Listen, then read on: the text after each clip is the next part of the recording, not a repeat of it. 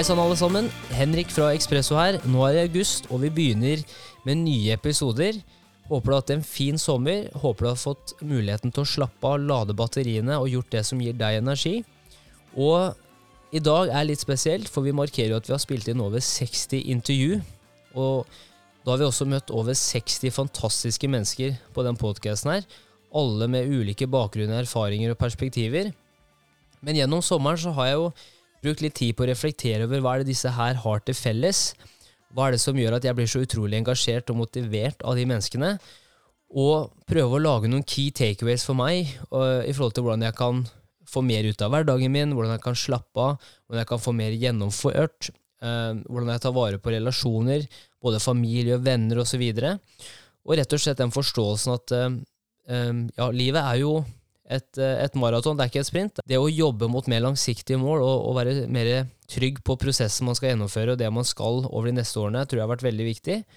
Og så er det også det i forhold til at hvis du ikke klarer å ta vare på deg selv fra uke til uke, så kan det bli et veldig kronglete liv. For eksempel det intervjuet jeg gjorde med Øystein Pettersen, eh, resonnerte veldig mye med meg i forhold til det å være egoist er egentlig veldig positivt, for det handler om å gjøre de valgene som får deg til å føle deg bra, gjøre bra ting. Og egoist handler også om å ta vare på de du har nærmest deg. Jeg ønsker å starte august med blanke ark og en helt ny episode, og det er da med Simen Fisk Mathisen. Han prata med i slutten av juli.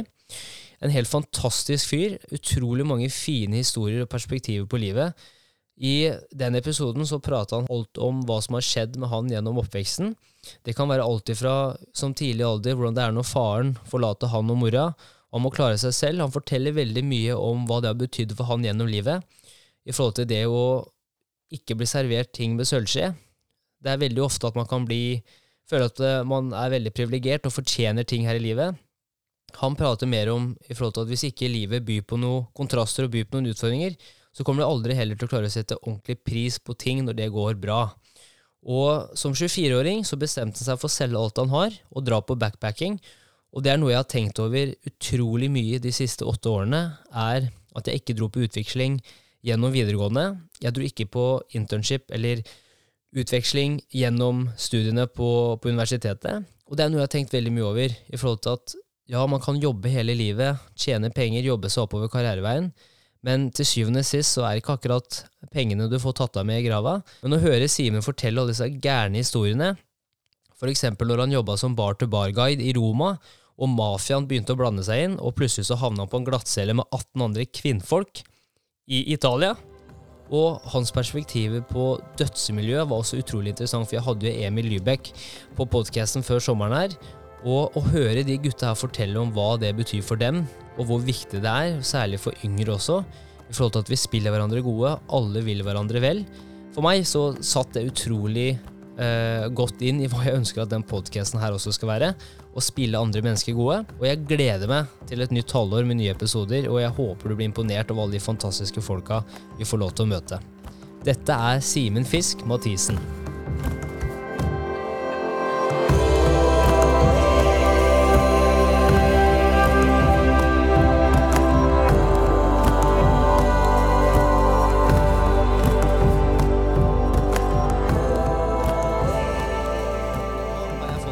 Simen Mathisen her, eller Simen Fisk. En gæren dødser, skjeggete mann, skikkelig viking. Eh, og heldigvis har han veldig god tålmodighet eh, med meg, sånn at i dag så bruker vi samme mikrofon. Han er fullvaksinert. Hei, Simen. Hei, Henrik. Og hei, hele Norge. det er god stemning. Det er veldig god stemning. Hvordan, eh, ja, hvordan vil du si at opplevelsen har vært så langt eh, å være med på Ekspresso? Det er helt fantastisk. Møter jo deg rett utafor her på en sånn liten sånn Voi, eller hva det er for noe. Ja. Stemninga var i taket med en gang. Det er eh, meget god stemning. Jeg tror ikke vi kan klage for mye. Heldigvis så har vi begge godt med humør. Jeg tror det hjelper oss godt på vei. Det gjør det. Det skal jeg love deg. Ja. Så i dag, og mye av grunnen til at uh, du er med her òg, er vi skal jo prate om uh, mye interessant i dag. Selvfølgelig, du er jo en dødser, en klin gæren fyr. Hopper ut fra høye klipper og Jeg vil jo si at du, du har en veldig høy smerteterskel, det må man jo ha. Men eh, vi skal jo også prate litt om eh, din reise gjennom livet og hva du har opplevd og sånne type ting. Og hvordan du har kommet deg til der du er i dag. Um, og det er alltid fra liksom uh, på en måte oppveksten til det å plutselig dra på backpacking og være bar to bar guide i Roma. Det er masse gode historier, og du sa jo sjøl før vi gikk på her, jeg veit ikke om jeg kan ta alle i dag. Nei, det får vi se på. Det første spørsmålet som vi må stille, er jo altså dødsing. Hva, hvorfor er det så kult? Hvorfor det er så kult? Eh, det er eh, Alle har jo lyst til å ha en ting hvor de bare kan glemme alt annet. Regninger og, og møkkaliv eller eh, noen problemer, eller bare egentlig bare finne et fristed. Og det er dødsing, altså. Når du står der og må ha full fokus og hive deg ut og så Du kan ikke feile. Du må konsentrere deg. Du må være i ett med deg sjøl. Og det er, det er, litt meditasjon, liksom, i den få sekundene du gjør det. Du sier jo at ingenting kan gå feil. Utdyp. Nei, du kan ikke gjøre feil, da. På de høydene som vi leker oss, så vi er oppe i 20 pluss. Da hadde jo Emil Lybekk som uh, leker seg på 26 og 27. Og da Du kan ikke gjøre feil. Du må være såpass i fokus. Jeg hadde et døds fra 21 i fjor hvor jeg ikke var 100% fokusert. Og så bare hoppa jeg, og det gikk gærent. Landa på ryggen. Det er 21. Det, det svir, det. Ja, for det er litt interessant. Hva skjer med kroppen fra 21 meter? For det spurte jeg Emil om òg, i forhold til når du hopper fra 26 meter. Altså, kroppen får en del G-krefter og kilo når du treffer vannet. Så, altså, så kan du fortelle litt om din erfaring da, i forhold til når ting gikk dårlig, du landa på ryggen. Altså, hva, hva, slags konsekvenser snakker vi om her? Eh, I mitt tilfelle så, så gikk det for så vidt greit med ryggen. Jeg trener jo faktisk på å få vondt. Uh, men jeg trener jo på ryggplask og mageplask og det som er. Men, eh, men det gikk verst utover øret, da. Hvor jeg fikk sånn blødning inni øregangen og, og sånn. Så jeg sliter jo med øret i ny og. Du sitter jo nå her, du har jo arr over eh, Altså, jeg, nå vil ikke jeg jeg, vil jo ikke på en måte grave hvis det, plutselig så er det kona som har liksom slengt eh, Eller jeg slått deg med et balltre, liksom. Så jeg ikke, skal ikke grave deg, men hva hvor var dette arret? Hva er det for noe?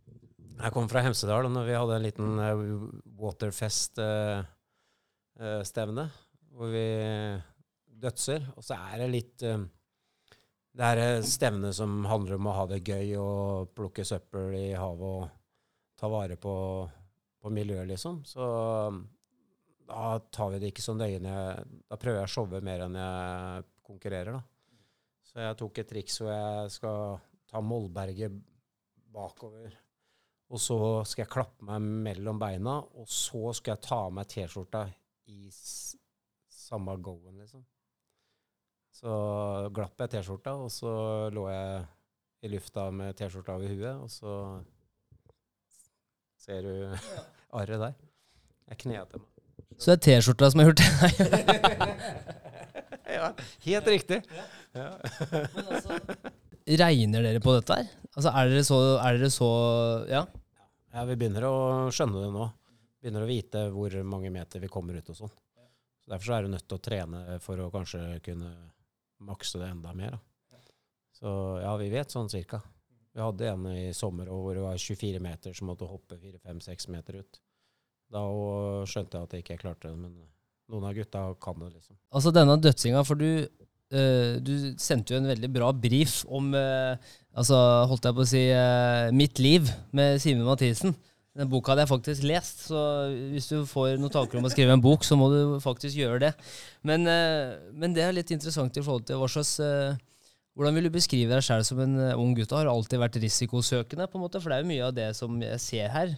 Og litt hvordan, hva slags interesser hadde du gjennom, gjennom oppveksten? Vært risikosøkende, men jeg, har alltid likt å underholde eller, eh, eller oppmerksomhetssjuk. da. Stikke fram nesa eller prøve å være klassens klovn eller noe i den duren. Både på godt og vondt. Men eh, Så det har Det har hatt sine episoder, det. Men jeg sy syns det er gøy, spesielt nå hvor man klarer å kontrollere det og kan liksom prøve å få publikum til å gå bananas. da. Det, det syns jeg er det aller morsomste. Og det husker jeg bare på sånn skolerevyer og sånn når du var liten. liksom. Det, når folk syntes du var flink og syntes du var morsom og gøyal, så det ga meg et sinnssykt kick. Og det, det gjør det ennå. Ja, for den der kjenner jeg meg igjen i, det der med å lage show. Jeg syns det er dritmoro det å eh, For eksempel nå, du, og det var jo sånn vi møttes holdt jeg på å si, over nett da første gangen. Litt sånn chat roulette-type måte. Men eh, og det var jo egentlig gjennom eh, det andre som på en måte jeg har som en hobby, og det er jo gjennom kroppsøvning. Uh, og da har Martin, han, uh, altså legenden halvt irsk, bra fyr, bra skjeggvekst, samme som deg. Han eh, plutselig en dag så viser meg Se på han gærningen her, da. Se på han skjegge, skjeggfulle gærningen her. Se hva han hopper, han er jo klin gæren. Og så så jeg det, og så derifra så var det vel egentlig bare en, en, en bra dialog over nett. Så det er ganske kult å endelig få møte deg. Jeg tror du er første personen som jeg har eh, på en måte møtt over nett, som jeg syns er jævlig kul, før jeg helt tatt har møtt deg fysisk. Så det er kudos. Takk i like måte. Jo, takk for det. Og Fordi da jeg begynte å følge dere med en gang òg. ja. Så vi hadde jo en kul greie fra dag én, egentlig. Veldig bra. Så nå er det bare å, nå det bare å venter vi bare på at du skal ha fri. Så, men men det, som, det som var litt kult med det, er jo ehm, på en måte det der med å ha hobbyer og, og lage litt show. Sånn som nå i helga, så var jo vi på Sørlandet i et bryllup til en kompis som skulle gifte seg. Og øh, da kjenner jeg at det er litt ukomfortabelt, men da sto vi på scenen og sang foran 100 stykker, eller gaula, vi kan ikke kalle det synge. Men vi, da lagde vi god stemning, og de har aldri hatt det så gøy, og da får jeg masse energi og ser at folk liker det vi lager og det vi gjør, da. Så jeg skjønner, den, jeg skjønner hvor den følelsen kommer fra. Um, Så får du med deg publikum òg, ikke sant? Så Ja. blir du enda. Yes. og så bare og når man, ikke sant? Ja, når man får med publikum, så blir det jo, da blir det jo helt bananas. Ja, ja. Eh, og, og det er jo litt sånn når man står der oppe, så får man jo Man begynner jo å tenke over eh, Altså, Man har jo tenkt ok, dette skal jeg si før jeg går på scenen, dette skal vi synge, og dette er morsomt, for dette er internhumor, bla, bla, bla. Og så kommer vi opp til det, så er det nesten som gardina går ned, og så er det bare in the moment. Og så når du går ned igjen, så tenker du faen, det var egentlig jævlig bra sagt. Men så veit du ikke hvorfor eller hvordan du sa det. Det bare føltes, føltes riktig ut, da.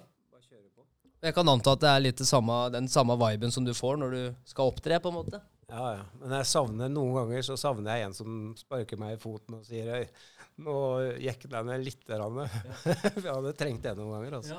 men da, da vil jeg bare legge inn en liten annonse her for Martin Josef McCarthy. For han er, eh, han er min eh, Jeg kaller det bare Han er min CFO. Han får meg til å tenke to ganger før jeg sier noe eller gjør noe. Så dette er en shout-out til Martin Josef. Eh, alle trenger en sånn som deg, deg i livet.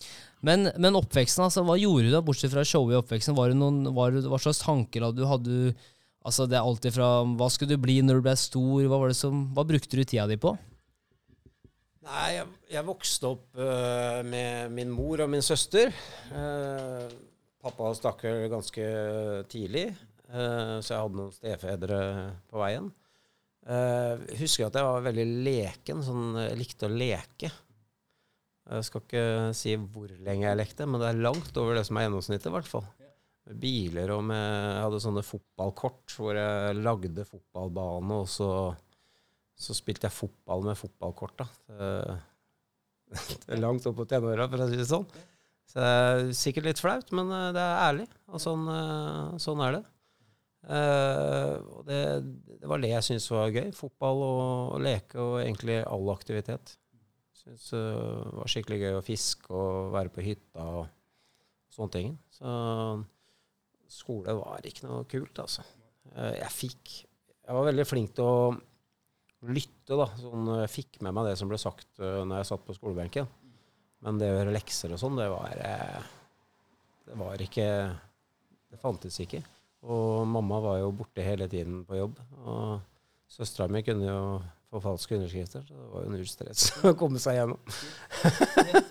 Ja, men det gjør vi. Jeg har tre eldre søstre.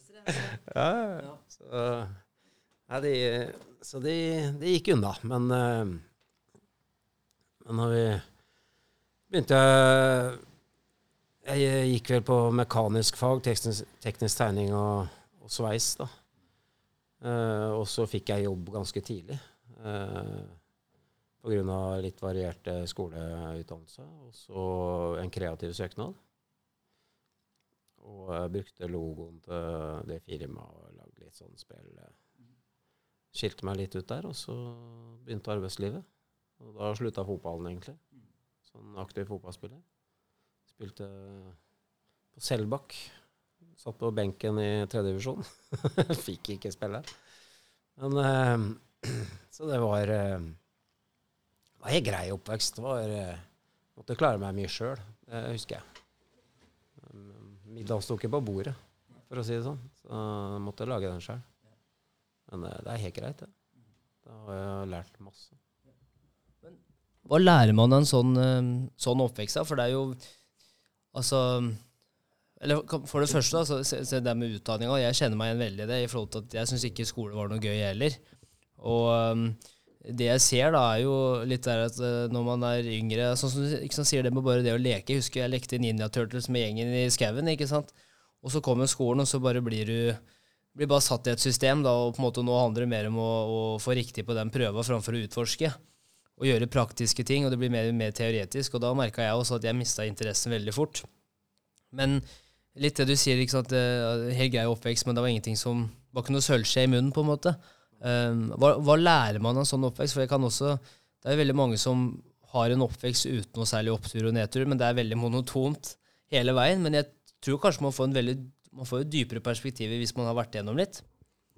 Det er, jeg tror det er viktig å kjenne litt på livet når du er ung. Altså.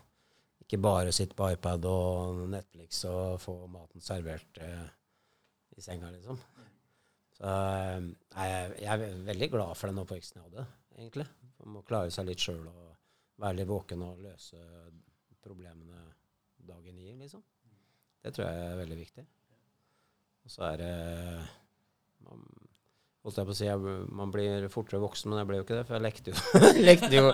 Så det, er, det er balansen Ja, ja, men, eh, men eh, man, eh, man tør å møte livet hvis det kommer hardt på, da. Så tør man å, å gønne på, liksom. Så nei, det er, eh, jeg, tror det jeg tror det er sunt. Og når jeg var ung, så fikk man en liten ørefik hvis, det, hvis man gjorde noe gærent.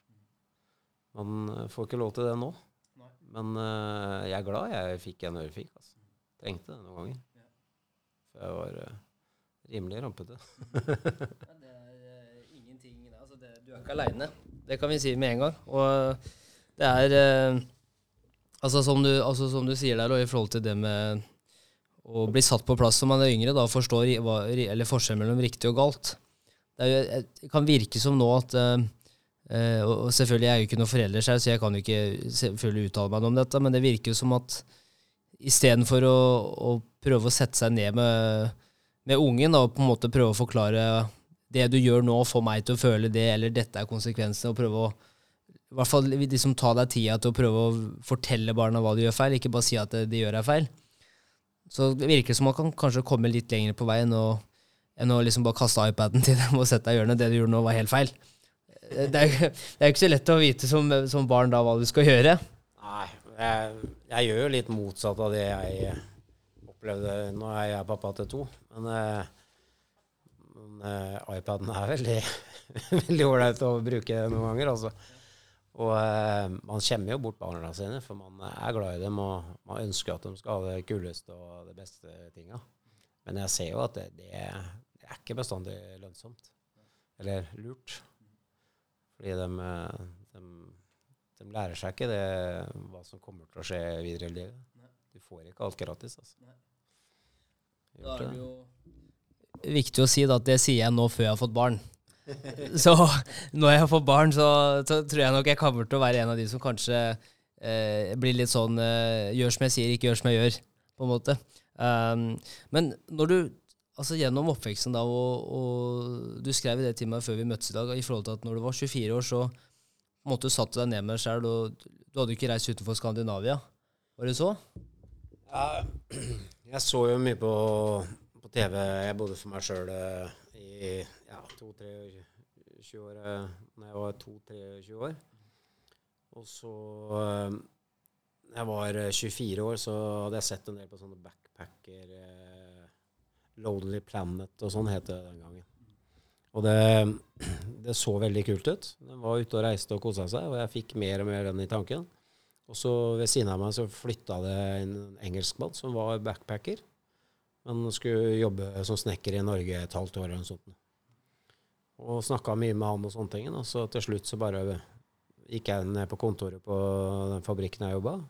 Hadde fast jobb, og jeg hadde bil og hadde leide og leilighet, da, men uh, livet var bra, liksom.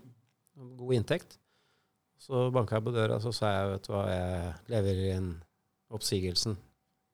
Og de fikk jo sjokk, og så sier jeg at uh, jeg skal ut og reise. de trodde jeg kødda. Så de tok det ikke helt seriøst. Selv om de tok imot oppsigelsen, var det ingen som trodde jeg skulle gjennomføre det. Så hadde jeg tre måneders oppsigelse, og så 4. Um, januar 2001 så reiste jeg og en kompis som var tre år yngre. Vi reiste, kjøpte backpackerbillett, og så reiste vi nedover Europa. Så hadde vi bestilt et spanskkurs, eller skole, eh, spanskkolekursaktige greier i, i Torvesia i Spania uh, om en måned. Sånn 4. februar tror jeg vi skulle starte da. Og så, etter to-tre uker eh, med backpacker og ha det gøy nedover Europa, så havna vi i Roma. På pub-til-pub-tur.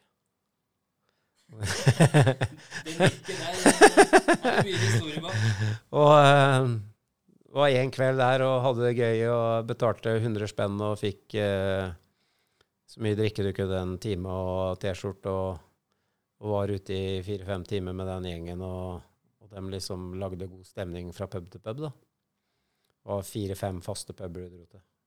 Også dag nummer to i Roma. Pub til pub, du. Dag nummer tre. Og så fikk du sånn klippekort. altså Hvis du hadde vært der seks dager på rad, så fikk du gratis resten.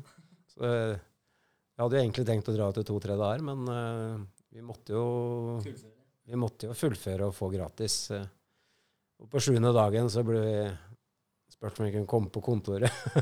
ble tilbudt jobb, da. Og da begynte jeg å jobbe der. Var det kompisen din nå, eller? Ja, han fikk uh, jobb der, han òg. Uh, han etter hvert gikk over til rivalene, men jeg husker ikke helt hvorfor han gjorde det, men, uh, men jeg ble da.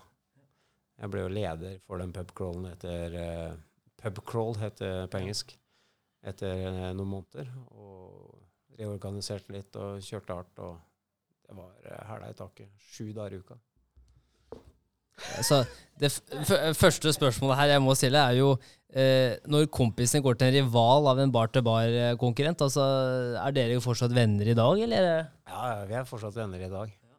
Men det gikk hardt for seg den gangen. Da, da var det om å sabotere, da. Ja. altså, det er, det er, så mange historier som jeg gleder meg at vi skal hoppe inn i. Men første spørsmålet er bar til bar, og det var sju dager i uka? Ja. Sju dager i uka jobba vi. Og eh, helt i starten, når jeg ikke var leder, så så sto du opp om morgenen og ga sånne flyers til eh, turister da, for å lokke dem til en eh, pubcrawler på kvelden. Og så på kvelden da, så skulle du ut og så skulle du guide dem. Og det, det var hardt, det, altså. Så, men du møtte jo mange, masse fantastiske mennesker da, og hadde det skikkelig gøy. Og, eh, så var det noen dager som måtte du ta det rolig, og så skulle du ta det rolig og kanskje bare drikke eh, rom og cola, alt jeg på å si, eller bare sånn eh, Malibu og Coke, eller bare sånn for å late som du drakk litt. Og så kom det en ekstra kule folk, ikke sant. Og så var det stemninga i taket, og så kjørte du showet igjen, ikke sant. Ja. gikk, gikk lyset. Og gikk lys her, så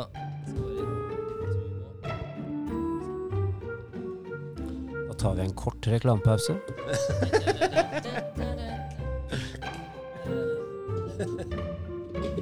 er det dårlig lyd? Jeg prater lavt, jeg, vet du. Jeg er rutinert. men der har vi den. Der har vi den. Du prater der nå. Det er mye lettere. For det jeg kan gjøre, da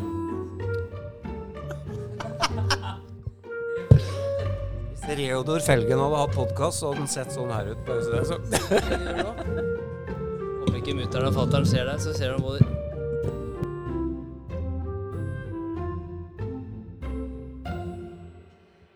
Ja, da er vi tilbake etter reklamepause, og Redo Felgen hadde vært stolt.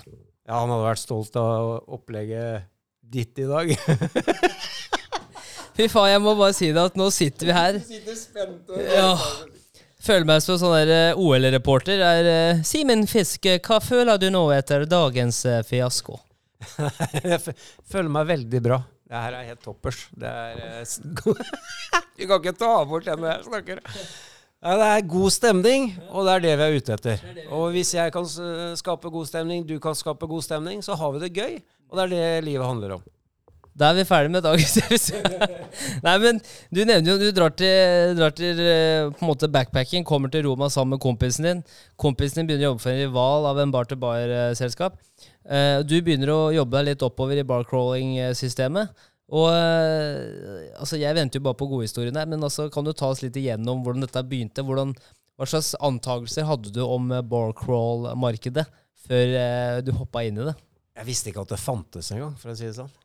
Eh, det det starta med, det det starta med eh, pubcrawlen, var eh, rett og slett at det var et turguidefirma. Eh, var en som starta turguidefirma der. Og så um, tok en folk rundt omkring i Roma, alle de flotte, fine stedene som er der nede. Og så kom de alltid til han og lurte på hva de skulle gjøre på kvelden. Det er veldig dårlig kveldstilbud eller nattilbud i Roma. I hvert fall hvis du er turist og ikke helt vet hvor du skal hen. Så han etter hvert eh, lagde sånn eh, Tok det med fra først én pub, og så ble det pub til pub, og så ble det en pub crawl. Og så tok han betalt for det. Han fikk jo tips og sånn, og så begynte han å organisere det via det turguidefirmaet. Som var, eh, var vel det turguidefirmaet som fikk flest stjerner eller terningkast i eh, Lonely Planet, faktisk. Så det var et ganske stort, flott firma vi jobba for. Men eh, så skal du høre noen historier, da. Er det du sitter og venter på? Du ser jo, Det er som julaften for en liten unge. Jeg sitter og venter på å få åpne pakkene. Nei, det høres jo virkelig ut, da. Jeg vet ikke hvem som tror på det eller ikke. Men eh, i, Italia så er det jo mafiavirksomhet, og sånn er det jo bare. Men eh, jeg har en amerikansk eier eh, som eh, betaler det han skal til lokale myndigheter. Men eh, det er jo ikke det du skal betale til. Du skal jo betale litt leie her og der også. Som jeg forsto, da. Jeg vet jo ikke hele sannheten her. Men uh, han var ikke så villig til å, til å strø de pengene. Han uh, likte å strø dem til vårs eller til seg sjøl. Så, så vi ble plaga litt av politiet, da. Uh, og ene gangen så sto jeg med 60 stykken. Jeg hadde si 100 T-skjorter, hadde fem liter vin og ti kasser med, med bokseøl, liksom. Og skulle gjennomføre første timen da med, med pubcrawl. Og så kom raidet. og vi skjønte jo det rimelig kjapt, for de er jo ikke akkurat flinke til å skjule seg sjøl i Italia. Det er høylytt og bilene glinser og sånn. Så fikk jo så sakte de andre som jobba der. Så tydelig at jeg var lederen med T-skjorte og sånn. Men de andre var litt mer siviliserte sivile klær. da. Så fikk liksom bare sagt ta med til den andre pubcrawlen. Vi hadde to pubcrawler i samme, i samme firma samtidig når det var høysesong. Og så kom eh, politiet, og så kom bort til meg.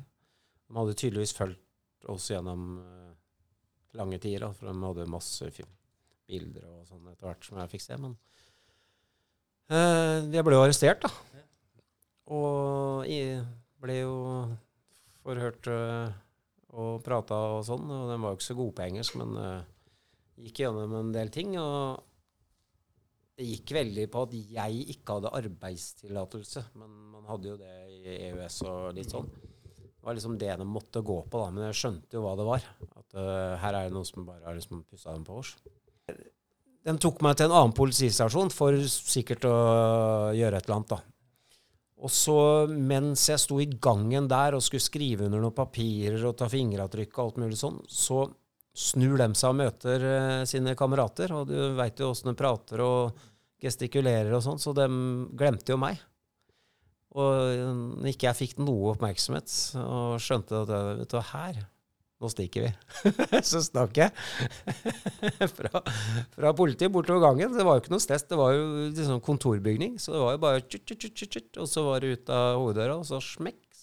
Og jeg var jo lommekjent i Roma, så jeg stakk jo av. Det var umulig å finne meg igjen.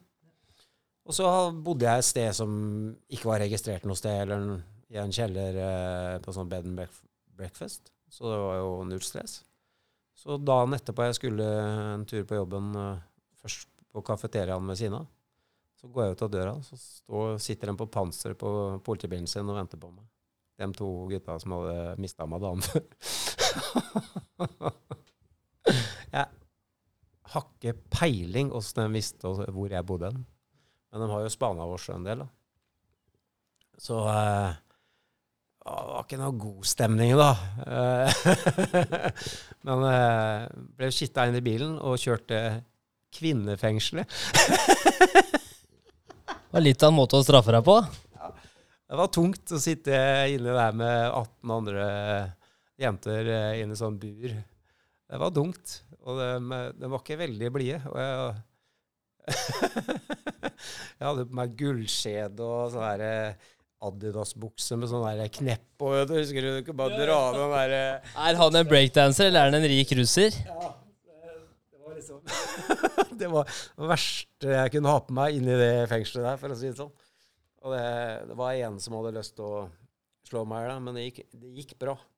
Det gikk det, altså, hva Så mange spørsmål. Men det, det første er jo hva sier når det er 18 kvinnfolk som sitter der, og der skal du inn så hva, hva, Hvorfor og hvordan og hva reagerte de med? At du kom inn der med gullbukser og sånn dragover-bukser fra Adidas? Jeg hadde en som tok uh, sine høyhælte sko, eller her, da, og som bare sto og slo siden av meg. Og skreik til meg på et språk jeg ikke aner hva var for noe. Hørtes litt russisk ut, for å si det sånn. Og uh, Prøvde bare å skremme meg. Man har sikkert fått beskjed om å skremme meg, for å si det sånn. Så det var jo bare, det var bare en liten payback. Så jeg satt jo ikke der uh, mer enn et døgn, liksom. Men eh, det var jo Det gikk bra. Det var god, god Det kom unna med det, så, så det var ikke noe stress. Det ble ikke, ble ikke noe mer av det. Og jeg møtte jo de gutta ofte senere. Og vi lo og kosa oss eh, etterpå. Så du ble rett og slett venner med den korrupte purken? ja, ja, kan si det på den måten der. Så det er gøy. Men et døgn i Altså, særlig i Norge, da, et døgn på glattcella. Det er jo ikke alle som får oppleve det. Og særlig ikke et døgn i, på glattcelle i Italia. Så hvordan var det døgnet? Er, hva, hva, tenkte du når, du når, du var på cella der? Hva, hva trodde du dette skulle være? Nei, jeg, jeg, var, jeg, husker jeg var dritnervøs. Men jeg prøvde å late som jeg var uh, kul, liksom. Men uh, det gikk overraskende bra, altså. Det var, uh, det var bortsett fra hun som prøvde å slå, slå til meg, liksom, som skremte meg litt. Men det gikk greit. Alle var slitne der inne, for å si det sånn. Alle bare gikk og la seg til slutt? ja, du kan si det sånn. Da skal jeg jaggu bestille litt når ting åpner opp igjen. Og det du sier også med det å spise ute og drikke ute og lunsj, frokost altså, Det er en av de tinga jeg savner med Norge, f.eks. Selv om vi har det bra på mange måter. Men eh, det er jo så dyre priser. Så hvis det hadde vært billigere å kunne gå ut og f.eks. spise lunsj eller frokost, eller f.eks. kose seg med fem-seks øl før man skal ut og spise middag uten at det må koste liksom flere tusen kroner. Så har du har savna litt det etter du kom hjem fra Italia, eller? Ja. ja. Altså, hvor lenge var du i Roma? Det var uh, rundt åtte måneder. Vi var um, sjette måneden, så Min gamle sjef, som nå er i himmelen, Eh, fantastisk fin, fyr, han, eh, han, og jeg, vi tok en en liten tur til Korfu, hvor han fortalte om en klippe som han hadde hoppa fra. Det var rundt 22 meter. Og da tenkte jeg den skal jeg ta reke fra, da, som jeg kalte det den gangen. Men det er jo dødsing. Så um, det var liksom drømmen. Tenkte på det, og så fant vi ut at vi, vet hva, vi drar ned som en ferie. Så dro vi dit som en ferie. Var der en uke og, og snakka mye med folka om at vi drev med det vi drev med i Roma. Så um, Veldig vanlig reiserute er Korfu-Roma eller Roma-Korfu. Uh, for det var jo backpackerhotell vi var på i Korfu. da. Og da viste det seg, når vi kom tilbake, at veldig mange av dem som var der, de kom jo til den pub-til-pub-greia vår. Og, eh, og så gikk det litt ringvirkninger, og så ble det word of mouth, eh, jungeltelegrafen. Og så fikk vi mye folk. Og så gikk det en måned så, eller to. Og da, i august, da, så slutten av august, så dro vi ned dit som en ren promotur. Eh, hvor vi promoterte hardt. Og vi hadde med merch og masse greier. Der får jeg oppmerksomhet. Men hvordan var det på den tida? Var det, var det liksom den showfaktoren? Var det artister som gjorde dette? Det var mye mer For nå, sånn som jeg ser på dere nå, så er det veldig sånn utforske nye steder. Hoppe fra nye steder hvor vi ikke var hoppa fra før. Veldig god stemning. Det er veldig god stemning i gruppa. Eh, det er liksom sånn, det er veldig chill, det er cool gang. Eh, men hvordan var det på den tida? Nå var jo jeg bare liten guttunge da, men eh, jeg husker at vi anså dem som rockestjerner. Men det var veldig, det var veldig klassisk stil. da. Veldig sånn fallskjermaktig flygning. Og så lokke så seint som mulig. Og de første hoppa dine, hvordan, eh, hvordan var de? Eh, Jeg, jeg velger å, å tro at de var dritkule, men det var sikkert bare kråke- Men eh, det fikk jeg jo se når kameraet kom. Men det er jo det er jo noe med det å, å bare hoppe uti det. Du sa jo det at istedenfor å bygge deg oppover, så bare begynte du fra høye, høye hopp. Og så, men hvordan har den progresjonskurven vært for deg? Ja jeg, jeg, jeg klarer ikke å starte lavt og begynne å Jeg er ikke noen trampolinegenerasjon. Jeg har ikke hoppa trampoline siden eh, konfirmasjonsleiren, liksom. Og det, det, det er en stund siden. Det var før du ble født. så, eh, så det er lettere for meg bare å gjøre det fra høyder, da. Og prøve nye triks. eh, prøver jeg liksom fra timeteren. da. Hva slags folk eh, Det er så vanskelig å skal gjøre begge til å være intervjuet samtidig som jeg skal tenke neste spørsmål osv. Men uh, hva slags folk møtte du i Hellas? Hvordan, hvordan var Hellas på den tida, når du var der?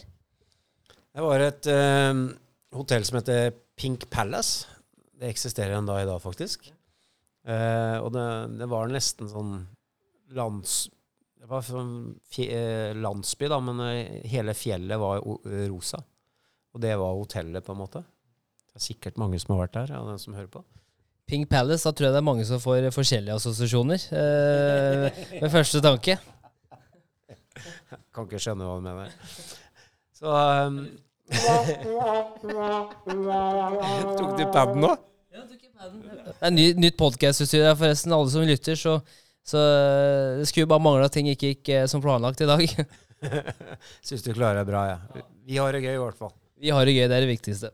Håper jeg det smitter. Ja, det håper jeg òg. Nei, da, det, var et backpackerhotell. Eh, veldig kul greie, faktisk. Du kommer i, betaler eh, det du skal, og så Det er jo all inclusive.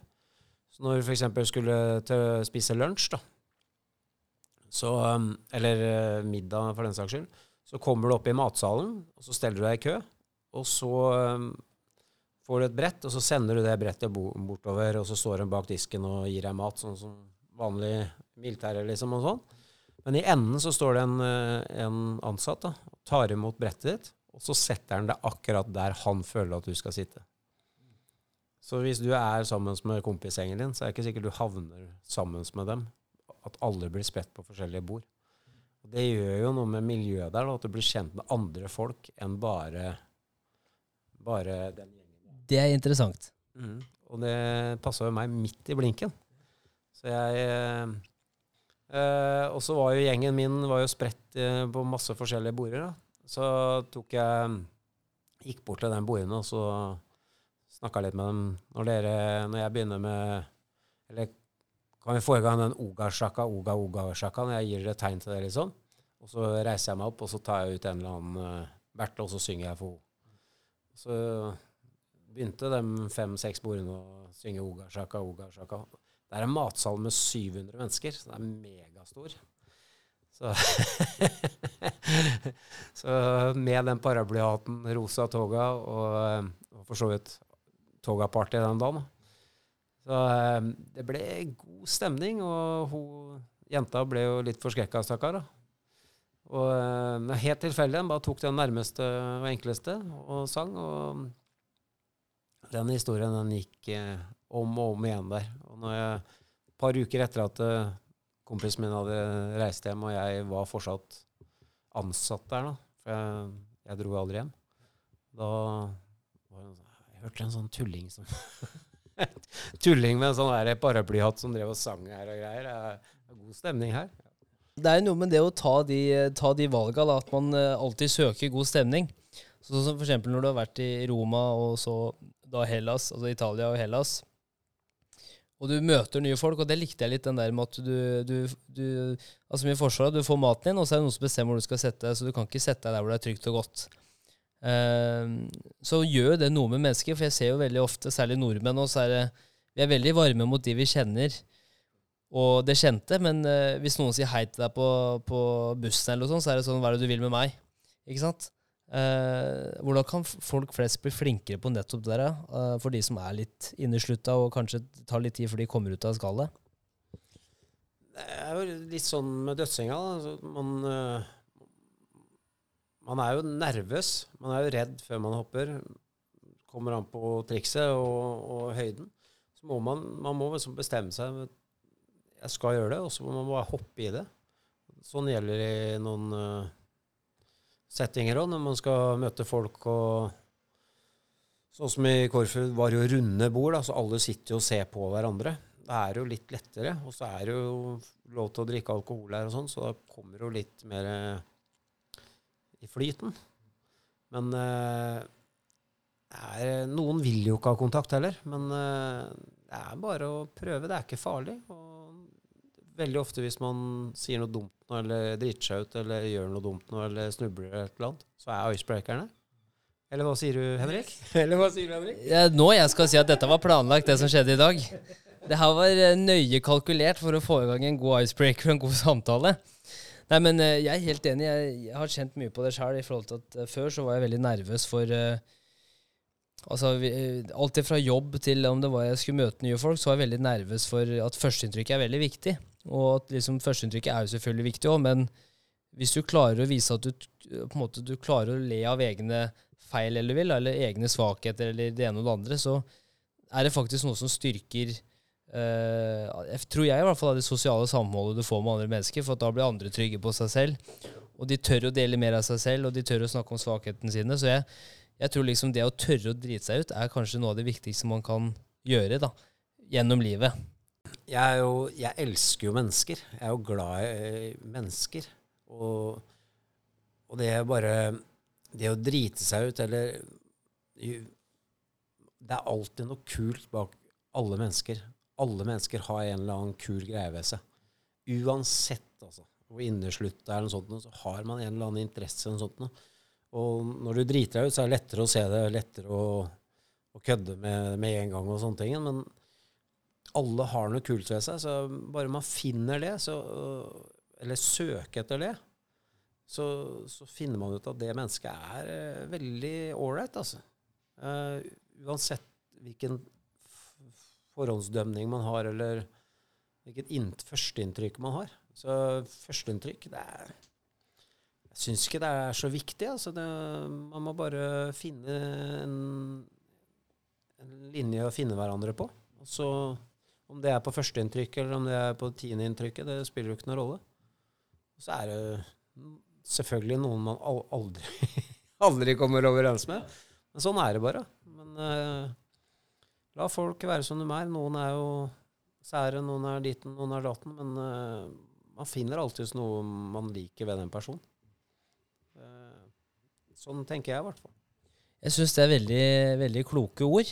Og eh, det virker som du er en veldig reflektert mann. Du har jo levd masse, altså, masse interessante historier.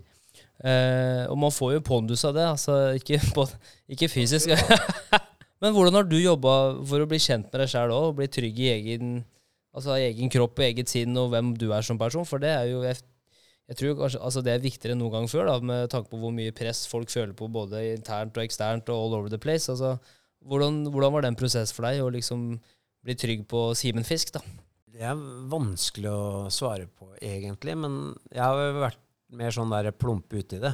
Og så litt sånn eh, Harald Rønneberg. Begrensa hvor dritt det kan gå. Så eh, jeg tror det er eh, det som gjør det. Den, det går som regel bra. Og så, så er man trygg på det. Satser man på at det stemmer. Det er ikke bestandig det stemmer, men man, man, lever, man lever bare én gang.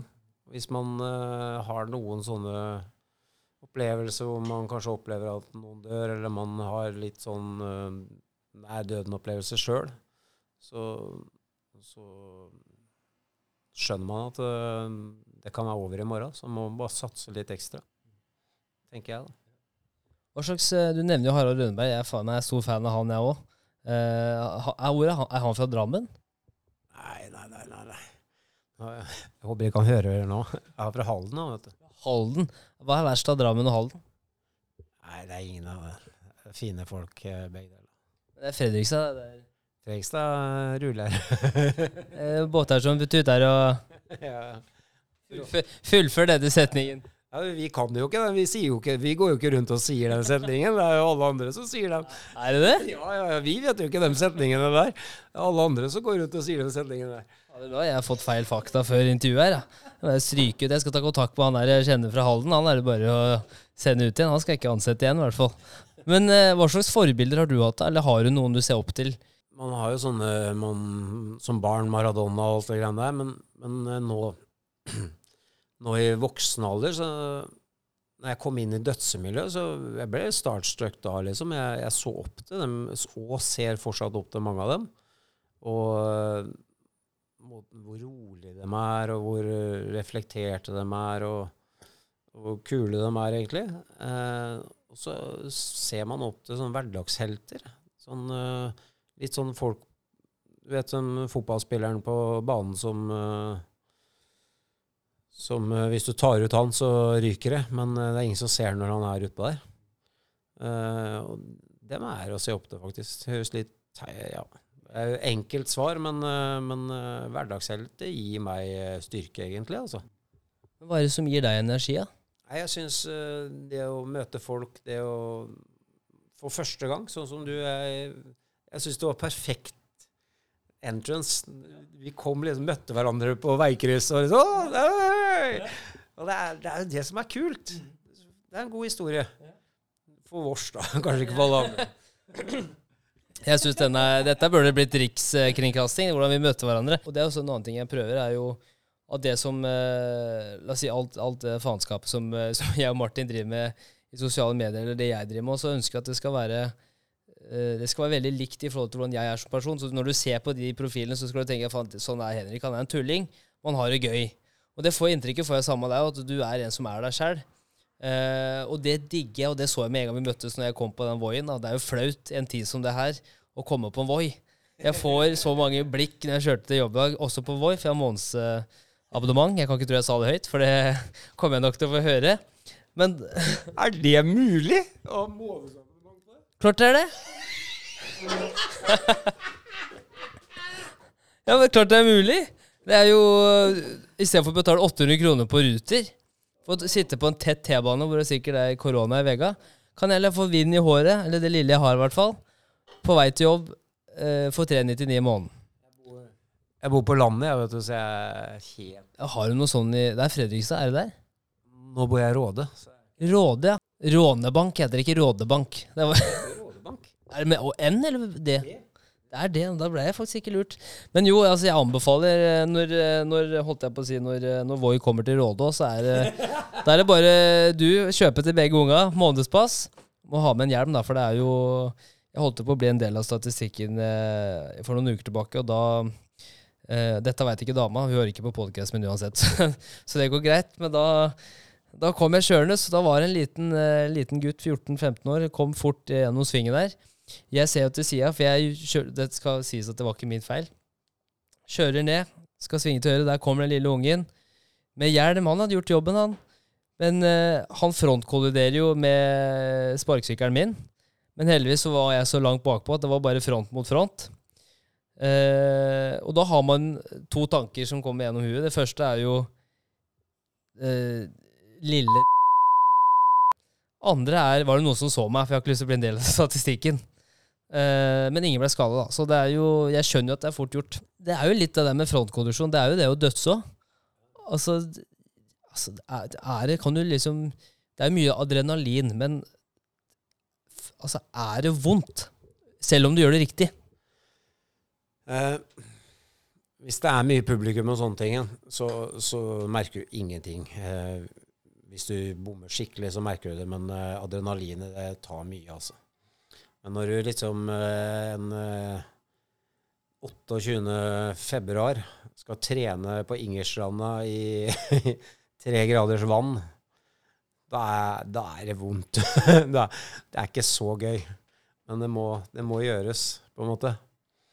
Så, eh, men eh, jeg, eh, når jeg tok det opp igjen i 2018 og 2019, eh, så, så tålte ikke kroppen det, rett og slett. Så jeg, jeg sleit med ribbeina, jeg sleit med skuldre, jeg sleit med brystet, veldig med brystet. Og det Så kjerringa sa det at eh, etter VM i 2019 så sa hun at hvis du skal holde på med det her noe mer, så må du begynne å trene. Hvis ikke så får du ikke lov. Så nå trener jeg. altså Nå, nå går det greit, men du må trene. altså. Men hva, hvordan trener man? For jeg kan jo tenke meg at det er to ting. Det er muskelmasse og sikkert, eh, for å bli grov. Boom, boom. The, the guns, the gunshot. Oh la la. Men så er jo det andre er jo eh, trene smerteterskelen. Er det også, må man gjøre det, eller er det en myte? Ehm, jeg gjør det, men uh, jeg vet ikke om det er så veldig mange andre som gjør det. Men jeg er ikke så begava som de uh, trampolinegutta. Så når jeg Jeg hadde jo en video, en liten shout-out til Anders Rox der, som har YouTube-kanal. Eh, han, han legger ut masse videoer. Bare gå inn og sjekk. Eh, men eh, i fjor så hadde vi eh, ut en video hvor jeg prøvde et triks ni ganger.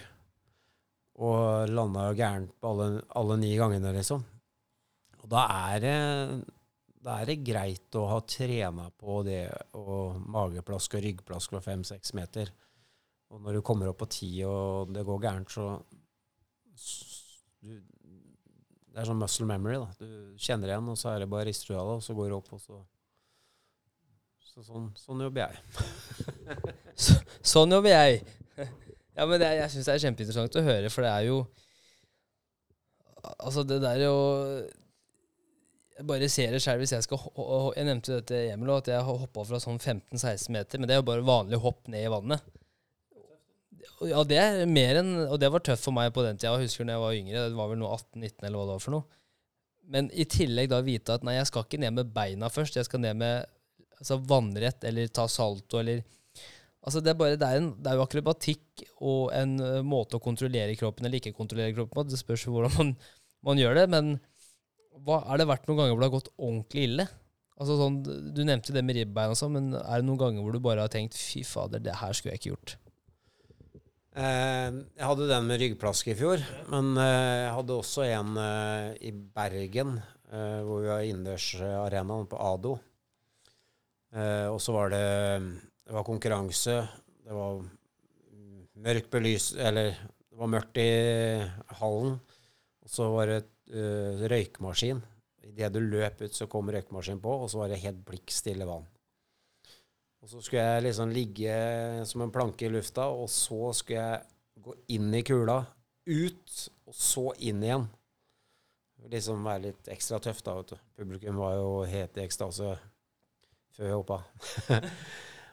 og så, når jeg da går inn, og så ut, så kommer vannet. Jeg så jo ikke vannet pga. belysninga og røyken og alt. Så jeg, jeg går med ansiktet, øya Jeg prøver å spotte, ikke sant? Og da går jo jeg rett i vannet med øya oppe. Så eh, da sleit jeg. Og da, da så jeg ut som en sånn der eh, vaskebjørn med sånn klokke rundt eh, øya.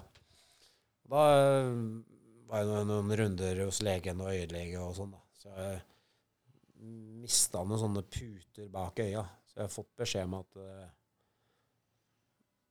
du må slutte å hoppe. Du har, fått, du har mista noen puter bak øya. Men Det er noen sånn væskegreier eller noe sånt. Noe. Det er nok noen eksperter bedre enn meg som kan det, men, eh, men jeg har uh, mista den. Altså det, sjansen for å få sånn netthinneløsning eller noe sånt, den, den er til stede. da. Fått beskjed om hvis ikke jeg gir meg, så, så kommer den. Men det er jo snart halvannet år siden. Det er noen tusen hopp siden. det har gått bra. For hvor mange hopp er i, er i året? Det er vanskelig å si. Eh, jeg, jeg Eller jeg eh, Jeg logger jo en del hopp. Uh, gjorde før, i hvert fall. I år så har jeg ikke logga, faktisk. Men eh, jeg er ute sånn to-tre ganger i uka. Da blir fem-seks eh, døds. eh, fra ti, i hvert fall. Og hvis det er lavere, så blir det enda flere, da. Men uh, er det høyere, så, så blir det færre. Vi hadde en sånn bro-biltur som jeg var med Emil og Anders og Rudi. Hvor vi var en uke og dødsa. Seks dager. Eh, hvor vi kjørte nedover Sørlandet. Og da Første dagen starta med 14 døds, og ingen var under 10 meter. Og det ble ikke noe bedre utover uka, for å si det sånn. Så eh, da det, ble noen døds. Den eh, vi gikk ut av tellinga til slutt. Men du, har jo, du tar jo også noe som heter sofa, eller det er vel det det blir kalt. Og det har jeg sett et par ganger. Og det ser så inni granskauen vondt ut. Er det vondt? Eh, eh, hvis du tar lavt, da, si tre, fem, ti, så får du en litt sånn derre Hvis jeg liksom klasker deg på rumpa, så svir det litt, ikke sant? Da får du den svinga. Når du begynner å uppe det til 15, 18, 20, 22, så, så er det andre steder på kroppen som da, merker, da får du ikke den svin. Da er det ikke rumpa eller låra eller noe sånt som gjør vondt. Da, da er det brystet og For da begynner du å kompaktisere deg, da. Nå bare fant jeg på det, men Kompaktiser deg. Ja, men jeg likte den. Jeg likte den. Jeg forsto hva du mente. Ja, ja. Det gjorde alle der ute. Nei, Nei altså man, For man bremser jo ned voldsomt. Du er jo nesten ikke under vann når du går i sofa. Så du stopper jo rått opp. Så um, du har jo strake bein, da. Det er jo liksom det som er eh, strake bein. Og du er i 90-graderen. Prøver i hvert fall det. Og hvis du ikke får til 90-graderen, da, da blir jeg sykt skuffa. Eh, åh, det er en forferdelig følelse. Men eh, vi hadde en episode i Søgne nå hvor, eh, hvor vi var på femte dødsedagen på den turen vår. Og da mm, gikk jeg opp, og så var det 18 meter. Da hadde jeg tatt sånn ca. 100 meter med sofa de fem første dagene til sammen. Det, det er noen meter, det, i løpet av fem dager.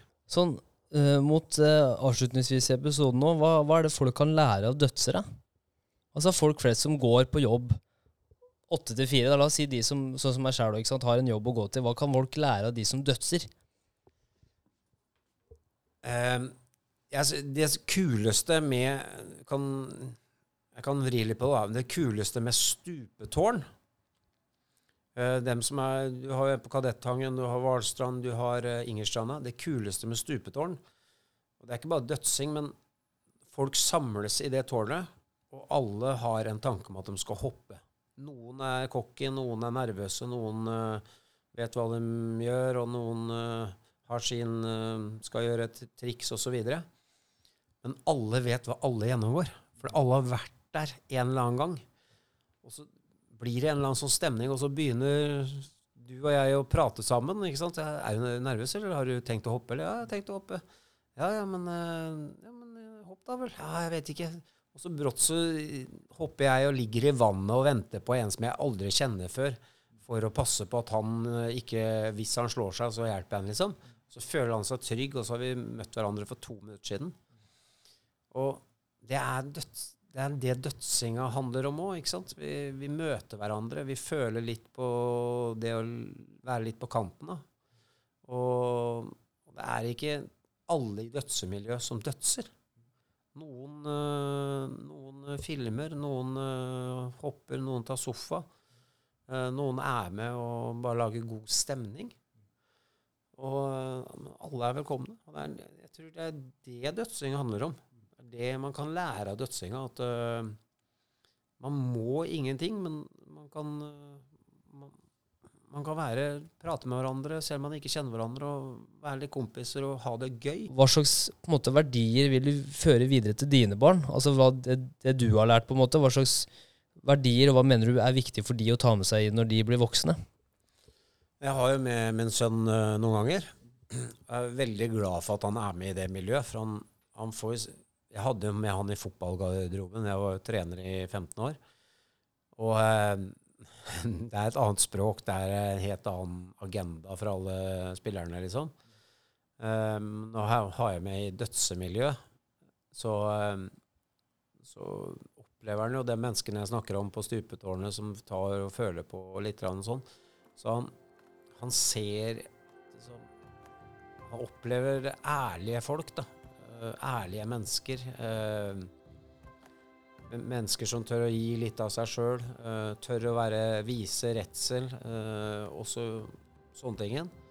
Det, det, det, er det jeg vil at han skal få med seg. Det er derfor jeg vil ha, ha med så mye som mulig. Da.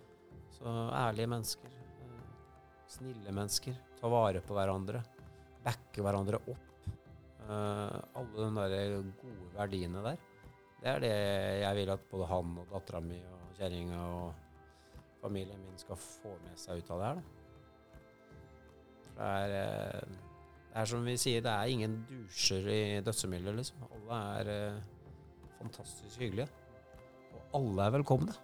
Um, ok, Siste spørsmål. Hvordan, er det, hvordan har det vært med å være med i dag? Det har vært helt fantastisk. Ja. Eh, Snakka om det første møtet vi hadde. Vi har aldri møtt hverandre før. Og vi har, har jo, skulle egentlig filma den første halvtimen her. Eller det var det som skulle vært podkasten, for da hadde jo god stemning. Nå er jeg spent på åssen lyden er. Vi har bare én mikrofon. Du hører kanskje ikke at jeg ler når du prater, og du ler når jeg prater, men uh, vi har det gøy.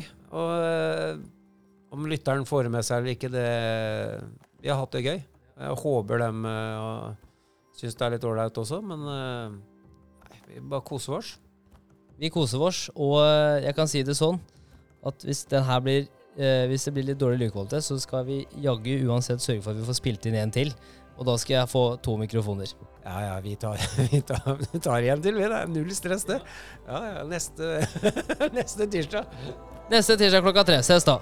Men eh, tusen hjertelig takk, Simen. Det har vært en, uh, en glede å ha deg med. Og så, uh, så ses vi neste tirsdag.